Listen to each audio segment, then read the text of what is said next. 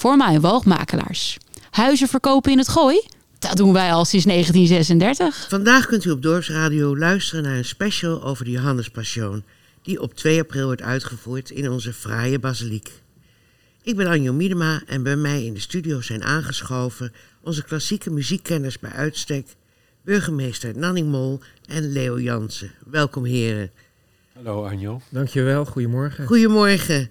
Um, jullie zijn, uh, Nanny, jij bent voorzitter van Laren Klassiek. Ja, klopt. En uh, wat is Laren Klassiek, heren? En hoe is het ontstaan? Nou, dat is uh, 16 jaar geleden is dat ontstaan. Ik was toen wethouder van cultuur hier in Laren. En toen werd ik uitgenodigd om de Matthäus Passion bij te wonen in de kathedraal van Sint-Jan in Den Bosch. Want zeg maar de mecenas die daarachter zat, die dat financierde, dat was een vriend van mijn broer. Mhm. Nou, dat was een geweldige mooie uitzending. Een mooie uitzending zeg ik. Dat is meer mijn televisieverleden. Maar het was een heel mooi eh, concert. En na afloop heb ik gevraagd van, goh, zou zoiets ook in uh, Laren uitgevoerd kunnen worden? Nou, zei die stichting Heus de Klassiek, dat kan. En daar hebben we eigenlijk helemaal een kopie van gemaakt. Dus we hebben daar, er was een notaris, was daar voorzitter. En die heeft ons helemaal geholpen hoe we dat moesten organiseren enzovoort enzovoort. En dat hebben we gedaan. En dat is in die 15 jaar is dat uitgegroeid tot uh, echt uh, uitvoeringen van mooie werken van Bach. Zeg maar zijn meesterwerken zoals de Matthäus Passion. Maar ook, en dan altijd op hoog kwalitatief niveau. Hè. Dus de, beste orkesten in de wereld qua barokmuziek. Maar ook de, de King's Choir uh, College, mm. uh, noem maar op. Uh, Messiah hebben we onlangs gedaan. Hè? En vandaar dat je dus Laren Klassiek hebt opgericht. En zo hebben we Laren Klassiek opgericht met als doel dat we Bach meer onder de belangstelling van Laren wilden brengen. En ook tegelijkertijd ook aan de muziekeducatie van de kids wilden doen op het gebied van de klassieke muziek. Ja. En dat doen we met een aantal mensen. En we zijn heel blij dat Nanning na 15 jaar voorzitterschap van de oud-wethouder Maria Klingenberg, dat Nanning nu onze voorzitter is. Hij is een groot muziekliefhebber. Nanning, u heeft als voorzitter uh, van Laren Klassiek, neem samen met Leo en de rest van de mensen, hebben jullie besloten om dit jaar de Johannes te doen in plaats van de Matthäus Passion, die de afgelopen jaren hier ge, uh, opgevoerd is in de basiliek. Waarom de Johannes?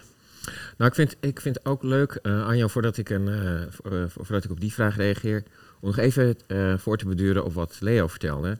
Namelijk toen ik net burgemeester was, ik wist niet wat ik meemaakte. Hè, wat wij hier allemaal voor elkaar krijgen um, in een dorp van 11.000 inwoners.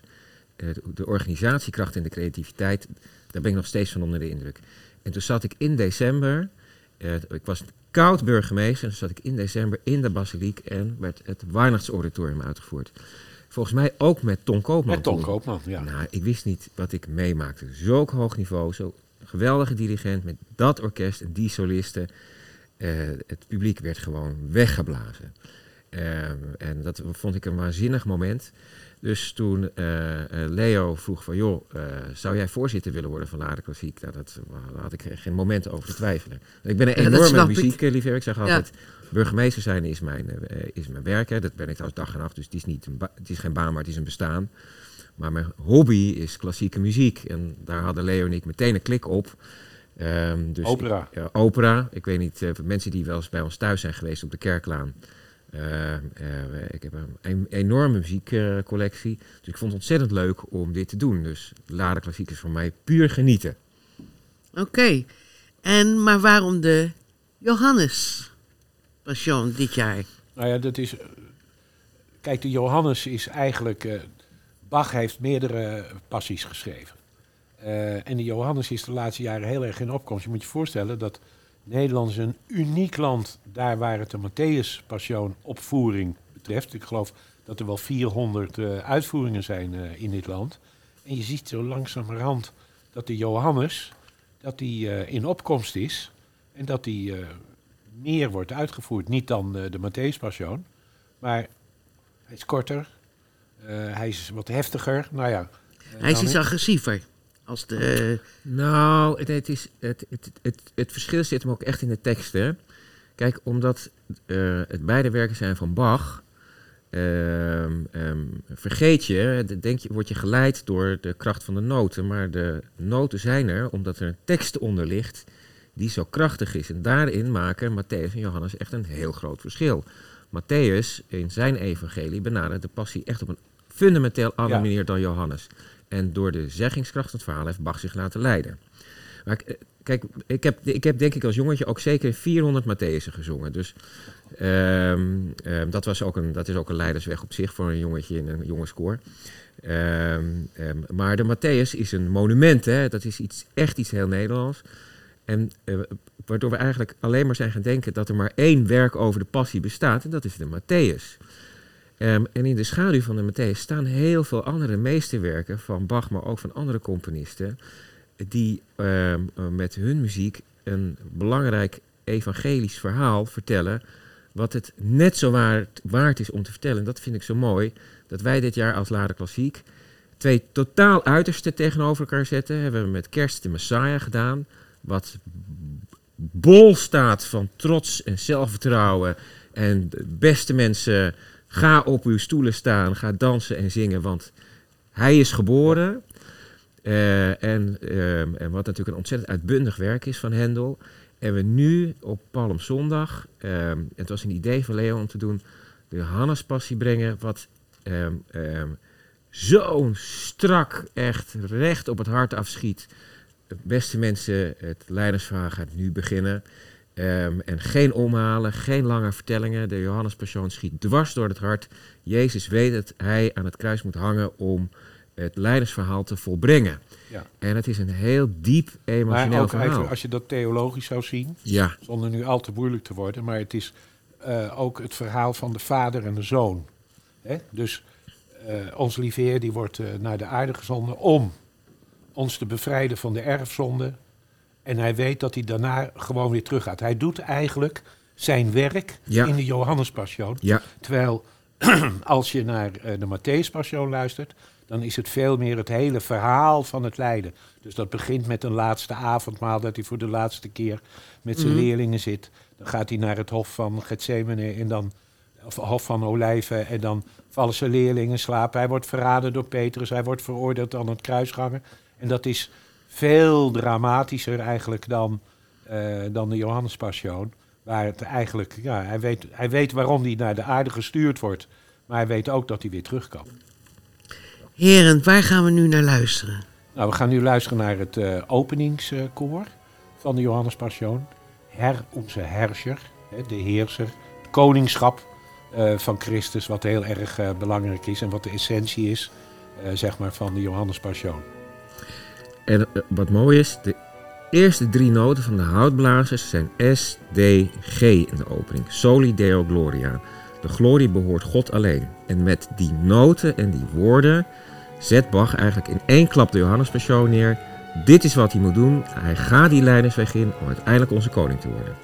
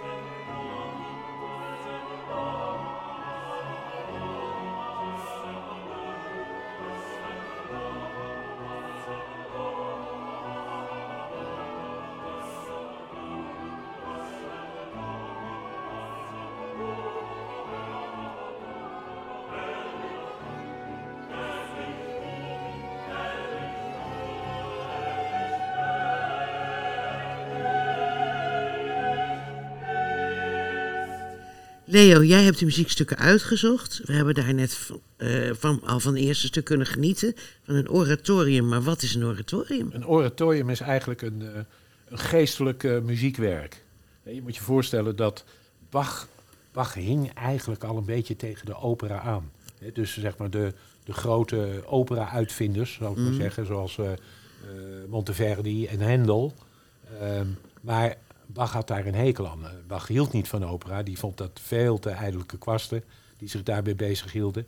En ja, hij was natuurlijk kantor in Leipzig. Mhm. Hij was, eh, dit was zijn eerste werk overigens, hè, de Johannes Passion, die hij uitvoerde in Leipzig in 1724. Ehm dan ben ik even je vraag kwijt. Oh ja, wat is een oratorium? Ja. Maar het is dus het verhaal van, van Jezus die eh, zeg maar veroordeeld wordt tot eh, de kruisiging. Iets Mhm. afschuwelijk wat we ons niet kunnen voorstellen. En dat hele verhaal is neergeschreven in vier evangeliën. En wij volgen in de Johannespassion het evangelie van Johannes.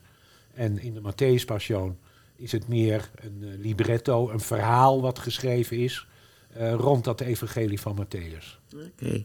Maar toch is het wel goed om even bij stil te staan. Hè? Want een oratorium en een opera zijn eigenlijk hetzelfde. Ja, Eh, muziek helpt een verhaal te vertellen. Mhm. En hoeft dus zo'n oratorium, daar- dat is niet, eh, het, het- het- veel mensen denken, oh, een oratorium dat klinkt heel deftig en daarom Ja. een beetje saai, maar dat is het helemaal niet. Het is puur drama. Wat, Nee, maar het is zeker, en, en, en vooral in de Johannes komt dat heel erg naar voren. Hè, daar heb je dan op een gegeven moment speelt zich de veroordeling van, eh, van Jezus af. Hè, dus Pilatus, die de landvoogd is, die weet eigenlijk niet wat hij met die man, die, die, die, die opruier, wat hij eigenlijk moet doen. En zeg maar, eh, het volk, dat, eh, dat neemt hem kwalijk en eh, aangevoerd door fariseërs, Caiaphas, Mhm. van dat hij gezegd heeft dat hij de koning der Joden is. En dan krijg je dat hele, hele proces. En Pilatus uiteindelijk was zijn handen in onschuld, want hij vindt hem eigenlijk niet schuldig, maar toch moet hij hem door dat volk opgehitst schuldig verklaren. Ehm, ja, en dat is waar het om gaat. En dat is zeker in de Johannes, dat is veel heftiger, dat is fel, dat is... Nou, als je Als je vergelijkt, van vergelijkt houdt, ja, dan is dat echt schitterend om eh, te horen. maar als je het vergelijkt met de Ma- Matthäus, eh, s- zou de Johannes rationeler zijn? Meer afstandelijkere benamingen. Van. Nee, precies. Het is een, goeie, een hele goede vraag, maar het is precies andersom. Ehm, eh, in de Matthäus ehm, eh, wordt veel meer eh, eh, eh, tijd besteed ook aan eh, verhalen van Jezus die vertelt over nou, eh, eh, eh, allerlei waarden en eh, nou, beschouwender, is eigenlijk meer beschouwender. En de Johannes gaat echt over Jezus Christus die die lijdensweg in moet gaan en als ehm, een mens of persoon dit moet doorstaan. Is het daarmee eigenlijk veel aangrijpender. Ja, dat eh, is grappig, want dit is dus wat ik, wat ik wel in de, alle verhalen lees over Ja. eh, de Johannespassion. Ja, Dat het allemaal afstandelijker zou zijn, maar eigenlijk is dat dus gewoon helemaal niet nee, is zo. niet waar. Nee, nee. Er zijn vier versies van de eh, Johannespassion. Waarom Nou, is de... Ja, wat bijvoorbeeld wel eh, heel leuk is. Leuk, ja, interessant. Dat is toen Bach de Johannespassion eh had gecomponeerd.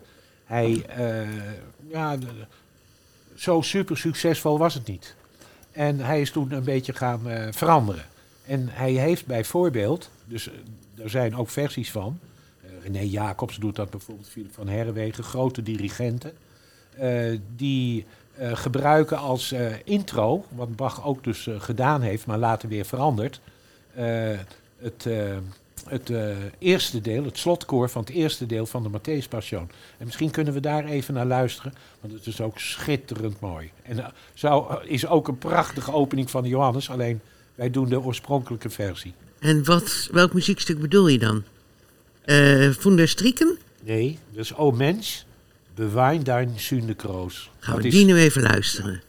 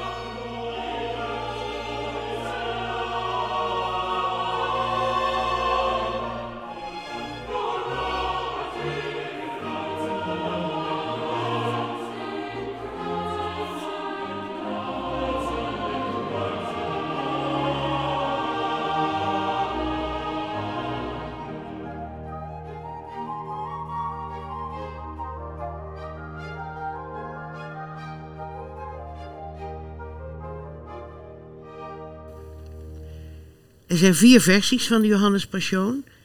Waarom is de keuze gevallen op de eerste versie, Nanny? Een goede vraag, Leo. Weet jij dat? Eh, nou ja, ik denk, kijk, het was natuurlijk eh, letterlijk en figuurlijk een gepassioneerde componist.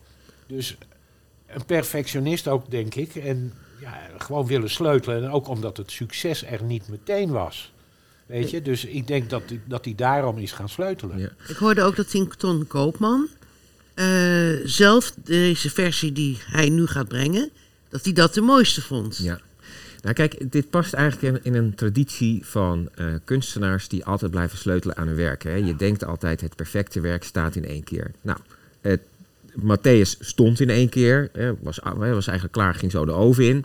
Ehm, eh, misschien verkeerde beeldspraak trouwens, maar die stond. Ehm, maar de Johannespersoon, daar bleef Bach aan sleutelen. Dus hij had zelf ook een. Hij had iets met dat werk. Hè. Dat deed, dat raakte hem. Hij wilde steeds maar weer dat verhaal, dat die, dit evangelie volgens Johannes, steeds maar weer een nog perfectere manier vinden om dat eh, te vertellen. En dat past ook in de traditie van andere schilders en componisten, die steeds maar weer kijken van ja, hoe reageert het publiek erop en hoe kan ik er nog aan sleutelen om mijn verhaal nog beter voor het voetlicht te brengen. Dus dat vind ik eigenlijk wel mooi dat Bach zo'n liefde had voor de Johannespersoon, dat hij er toch een beetje aan bleef ja, maar werken. misschien- het zou me, kijk, ik, ik ben geen muzikoloog, ik ben een Nee. Ehm, maar misschien heeft het er ook wel mee te maken dat die eerste uitvoering niet zo succesvol was. en een kunstenaar twijfelt altijd. Ik Ja. bedoel, alles wordt geboren uit twijfel. Het is de basis van een kunstenaarschap.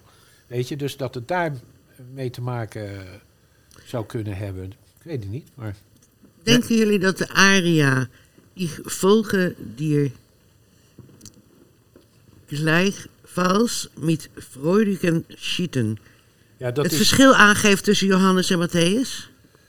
Eh, nou, je, dit is een aria. Het is, het is een prachtige aria uit de Johannespassion. Eh het zegt ook iets over ehm, hoe wij eh, binnen de Johannespassion tegenover het muziekwerk staan. En dit is eigenlijk een hele verrassende, lichte vorm. En een prachtige aria van, eh, van eh, de sopraan eh, die, dit, eh, die dit zingt. Zullen we die eens gaan luisteren dan?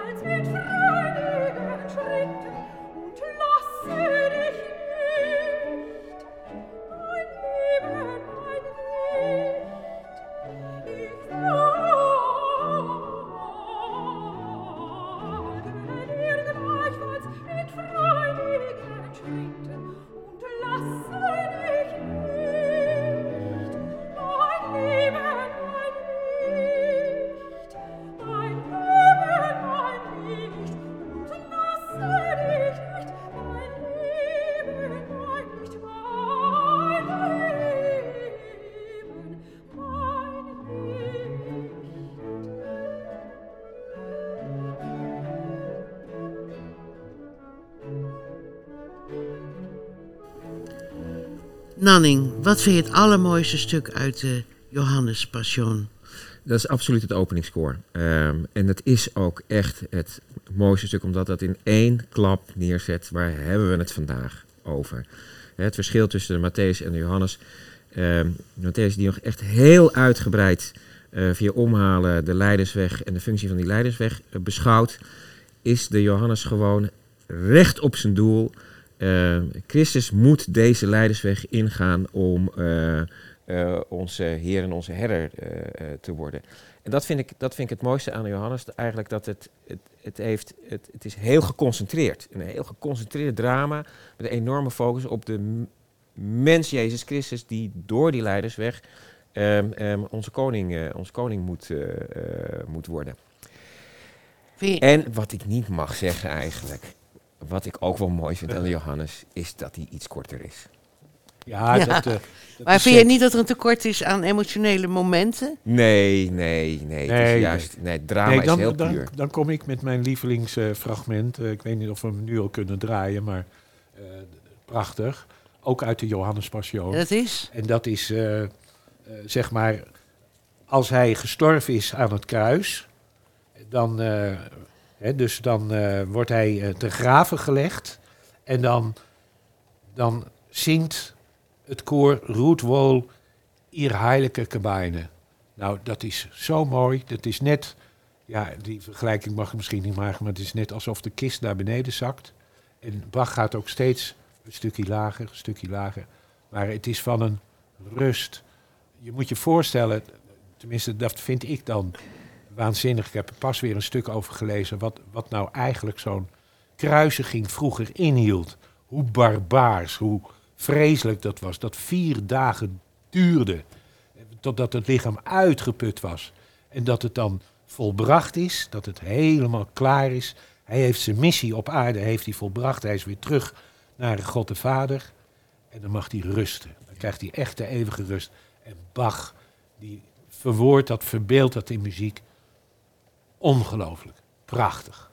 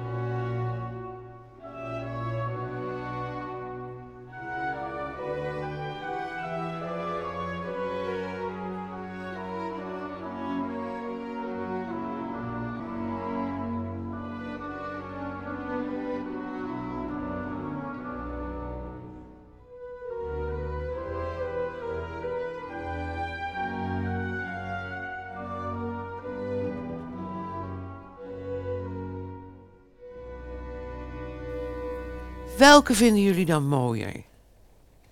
Matthäus of de Johannes? Leo.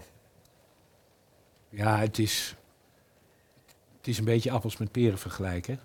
Maar ja, eh, dat komt gewoon... Kijk, Nanning heeft eh 400... Hoeveel keer heb jij hem gezongen? 40 keer? Ja, zoiets. Matthäus? Ja, ja. Ik vind de Matthäus een mooie, maar dat komt ook... Ik ben ermee opgevoed. Ik was altijd als klein kind... zat ik naast mijn zusje. En die zat er met een partituur open. En dat vond ik superwijs. Dat zij dus de hele partituur volgde met de Matthäus eh, Passion. Dus dat zit zo in, in mijn DNA, denk ik. eh. ja, en natuurlijk. Prachtig. Ik vind ook in de Matthäus is iets meer... wat, wat voor mij de essentie zeg maar, van de Passionen van Bach is... dat is het verraad van Petrus. Hè, zijn beste vriend verloochent hij. En zijn beste vriend heeft dat voorspeld. Die heeft gezegd, let op jongen. Terwijl ze met z'n allen aan tafel zitten, hè, het laatste avondmaal. Let op jongen, jij, jij gaat mij drie keer verraaien. En op een gegeven moment is hij veroordeeld, ons lieve heer. En dan zegt, eh, eh, dan zitten ze een beetje achteraf. En dan zegt er iemand, jij was toch ook eh, bij die Jezus van Nazareth? Ja, zo weet hij van niks. Nee. En dat doet hij drie keer. En dan, dan zingt dus zeg maar de, de evangelist in, in de Matthäus Passion, die zegt dan... En toen kraaide de haan. Prachtig hoe Bach dat echt... Dat, dat, hoe die dat helemaal eh eh, verbeeldt in de muziek. en dan... Ja, dan is, dan is hij helemaal kapot. En dan heeft hij gerealiseerd dat hij zijn eh, meester verraden heeft. En dan klinkt het erbarmedig. Ik schiet altijd half vol als ik dat hoor. Ja, Dat ja. vind ik zo. Ja, jij ook? Ja, ik ook. Nou, wat ik wel leuk vind, kijk, wij deden in december de Messiah van Hendel. En de Matthäus is een heel groot werk, het grootste koorwerk in Nederland, maar wereldwijd is de Messiah het beroemdst. Ehm, een enorm meesterwerk. En het was een geweldige uitvoering. En we liepen naar buiten en, moeder, en, mijn moeder was ook mee. En zei, ja, fantastisch, zei ze. Maar het is geen Matthäus. En dat is een fantastisch, eh, kort samengevat. Wij leggen in Nederland alles langs de meetlat van de Matthäus. Ja. Ehm, dus ook de Johannes. En het is dus ook terecht dat we ze vandaag met elkaar vergelijken. Dat is ook een ontzettend leuk gespreksonderwerp. Ehm, maar elk werk is uniek. Ehm, en heeft zijn unieke verhaal. Maar als we het dan toch hebben over Johannes versus Matthäus... gaat mijn voorkeur vandaag uit naar de Johannes. Heel goed. Nou, daar ben ik blij mee. Ja, want ik vind... Maar eh, ik- ondanks dat er in de Johannes dus niet zoals in de Matthäus... hele passievolle, smartelijke koraal... eh, eh, gez- gez- sorry, gezangen, gezangen heet dat? Koorwerk. ja, Koorwerk solen, is. Ja, ja, ja, maar die zijn net zo mooi. Maar het verhaal, daar zit gewoon veel meer focus in. Ehm, en dat vind, ik, ehm, dat vind ik ontzettend mooi aan de Johannes. Is, het, is een, ehm, het, is een, het is een verhaal met een hele sterke focus. En een hele sterke het, het drama van de mens die koning moet worden. Maar daarvoor eerst aan het kruis moet. Dat vind ik nog mooier verbeeld in de Johannes. Dus ja, ik kijk ontzettend uit naar deze uitvoering.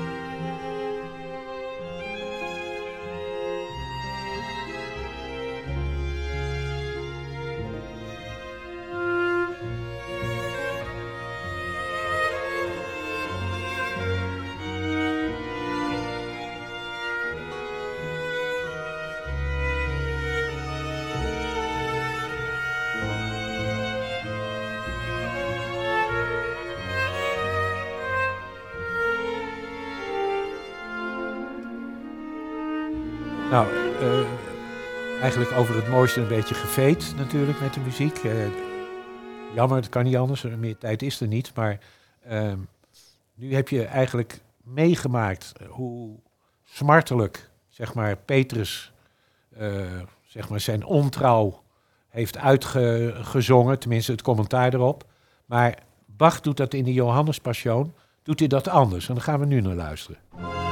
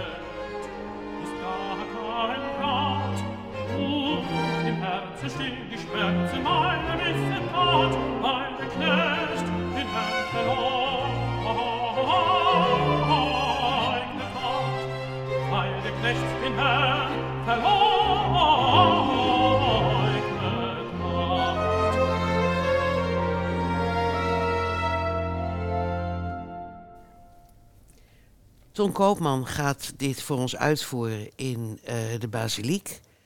Kan jullie, kunnen jullie mij vertellen wie, wat en waarom?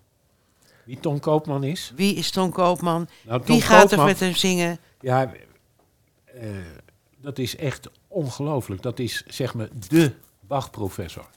Als je met Ton Koopman door Leipzig loopt, dan nemen ze allemaal hun hoed af. Want hij is de president van het beroemde Bach-archief. Hij is internationaal gelauwerd in de Royal Academy, in Parijs. Hij heeft onderscheidingen. Eh, ik, ik ken zijn agenda niet, maar ik weet wel dat hij bijna dagelijks op reis is. Hij is op het ogenblik zit hij in Japan te dirigeren. De man is als barokdirigent eh nou ja, vermaard. Ja. En, en daarnaast geeft hij les op de universiteit. Hij heeft ere Edisons gehad. Eh, welke onderscheiding heeft hij niet gehad? En dat hij... Hij woont dan weliswaar in Bussum. Maar Oh ja? het is gewoon fantastisch dat, hij, dat hij hier wil komen. Het- ik, denk, ik denk dat als je een gemiddelde grote dirigent eh, op zijn schouders stikt en noem een van de drie grote Bach-dirigenten, dan noemen ze Ton Koopman. En dat is natuurlijk, eh, het, dit is een geweldige luxe die we hebben. Hè, dat wij in ons mooie dorp, ik bedoel, nergens hebben ooit zoveel Kees van Dongen samengehangen in één museum. Joep van het Hek staat hier elk jaar op de planken. En dat we dan ook Ton Koopman, eh, omdat hij in de buurt woont, hier de Johannespassion doet. Eh, dat is natuurlijk een geweldige luxe en die moeten we gewoon benutten. Dit gaan we maar één keer meemaken. Dat hij hier met zijn Amsterdam Baroque Orchestra and Choir de Johannespassion, die niet zo vaak gedaan wordt, hier in onze basiliek doet. Daar moet je gewoon bij zijn geweest. Geen excuus, kaart kopen, want dit is een uniek moment dat wij dit werk op dit jaar in ons dorp kunnen uitvoeren. Met deze line-up van artiesten. Wie zijn de solisten? Nou, we hebben Hanna Blasikova die de sopraan eh, zingt.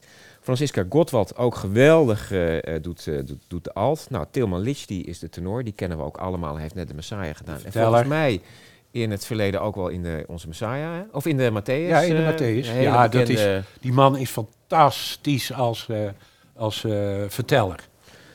En we hebben Daniel Smoetshart als, eh, als bariton. Dus ook weer vier geweldige eh, solisten. En dat is heel belangrijk, want eh, de Johannes is net zoals de Matthäus geen orkestwerk, maar echt een zangwerk. Het orkest is dienend aan de solisten en het koor die het verhaal vertellen. Dus daar heb je gewoon topzangers in nodig en die hebben wij. En daarnaast, zeg maar, het orkest, het Amsterdam Barok Orchestra and Choir. Dat zou je denken dat dat allemaal Amsterdammers zijn die er zitten. Maar dat zijn internationale solisten. Dus die komen vanuit het buitenland. Dus meestal wordt er een tournee gepland. Dan doet hij als enige doet hij Lara aan in Nederland. En dan vliegt hij uit naar Frankrijk, naar België, naar Italië. Hè, waar hij geroemd en geroemd wordt.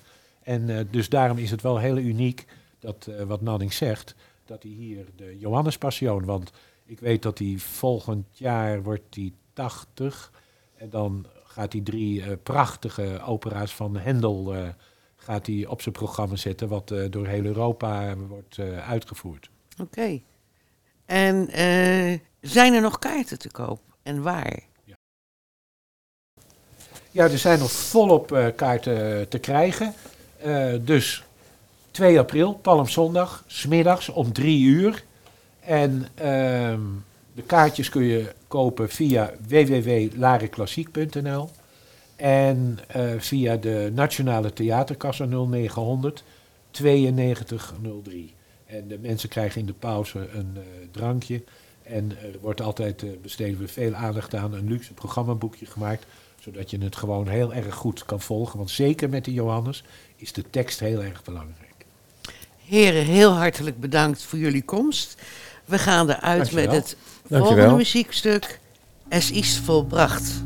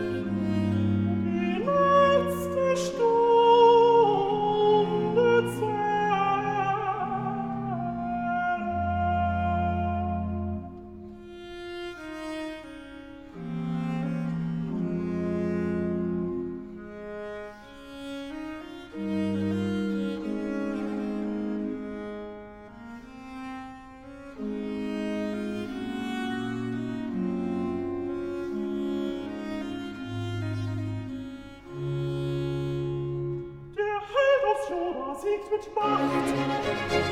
Er hält das Jonas Wegs